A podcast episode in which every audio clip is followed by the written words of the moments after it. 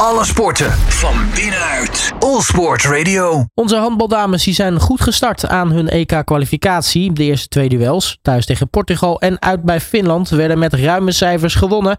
Ik ga erover in gesprek met eh, Stijn Steenhuis, commentator bij Viaplay. Stijn, hele goedemiddag. Hey, goedemiddag. Ja, ze zeggen wel eens een eh, goed begin is het halve werk. Eh, dat is voor de handbaldames zeker zo. Zeer zeker. Ja, de uitslagen waren overtuigend. Moet gezegd worden dat uh, zowel Portugal als Finland ook minder werden ingeschat dan onze eigen nationale ploeg. Maar goed, dan moet je het vakje nog maar wassen. En dat hebben ze gedaan. En ook aan het uh, doelsaldo gewerkt. Dus wat je, wat je zegt, een mooie goede stap richting uh, dat Europees kampioenschap in 2024. Nou, je hebt de tweede duels natuurlijk van dichtbij meegemaakt. wat is jou het meest opgevallen? Uh, nou, dat uh, de bondscoach Per Johansson, dat is een Zweed, vooral ook wel uh, vooruit keek. over een maand, eind november, is het WK. Dit waren EK-kwalificatieduels. En eigenlijk heeft Johansson vooral wel gericht op de voorbereiding op het wereldkampioenschap. Zo'n nationale ploeg komt niet heel vaak samen in het jaar. Die zijn toch heel veel tijd kwijt bij hun club. Dus hij greep dit ook vooral wel aan om, om verder te kijken en voor te bereiden op het WK. Dus hij heeft heel veel speelsters in actie gezet en uh, ook wel deze week aangegrepen om niet alleen toe te spitsen op Portugal en Finland, maar vooral ook wel op alles wat daarna komt. Dus een investering voor, voor straks voor het wereldkampioenschap. Nou, wat dat betreft, ja, het, het, is niet verkeerd op, op, deze manier een soort van ja, WK-oefenduel spelen.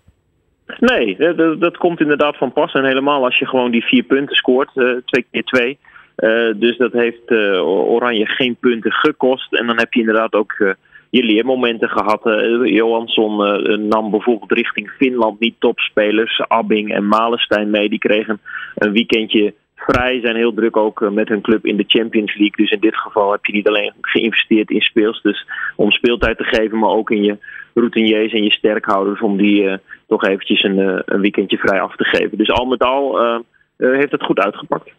Nee, van tevoren werd uh, nou ja, Portugal en Finland natuurlijk al uh, veel minder ingeschat dan onze oranje handbaldames.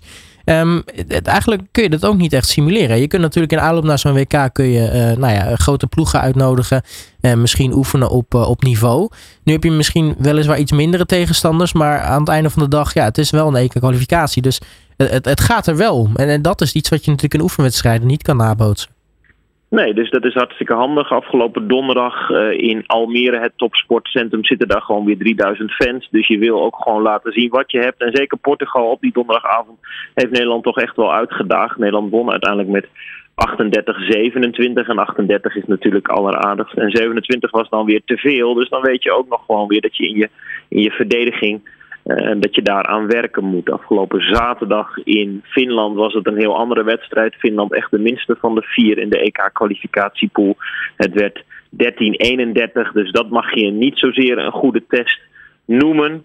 Uh, maar zoals je zelf ook zegt, hè, er zit toch wat druk op. Je wilt toch wat laten zien. En Johansson heeft dus ook heel veel jonge speelsters uh, ingebracht. En dat is met het oog op het WK alleen maar mooi meegenomen. Dus nogmaals, de conclusie, volgens mij was het een, een heel nuttige week.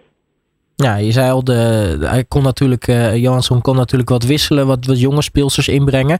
Um, wat, wat hebben zij uh, kunnen brengen? Hoe ziet dat eruit?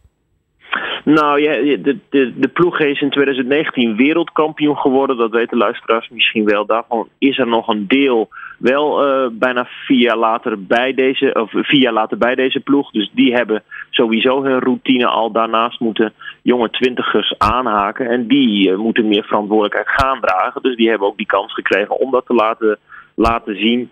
Uh, dat gaat niet altijd nog, uh, nog van een leien dakje, maar daarvoor mag je dan ook een beetje leergeld betalen. En als het uiteindelijk geen punten kost in deze EK-kwalificatie, dan is dat hartstikke fijn. En straks in voorbereiding op dat WK, ja, dan zullen er toch de stapjes gezet moeten worden. Want uiteindelijk wil deze ploeg gewoon weer uh, richting de halve finales op bijvoorbeeld het wereldkampioenschap. De afgelopen jaren werd de ploeg vooral vijfde, zesde, zevende, achtste.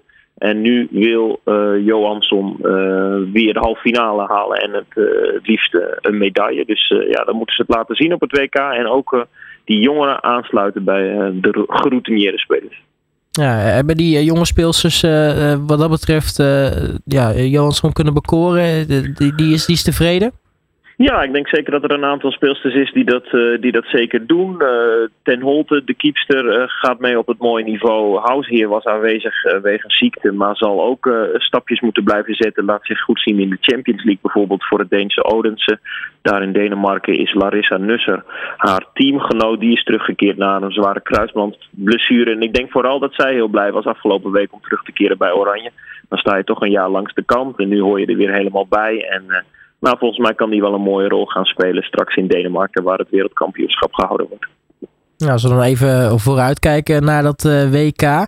Um, ja, dit waren dan uh, nou ja, misschien de veredelde oefenpotjes, om het maar zo te zeggen. Hoe ziet verder de voorbereiding van Oranje er nu uit op dat WK?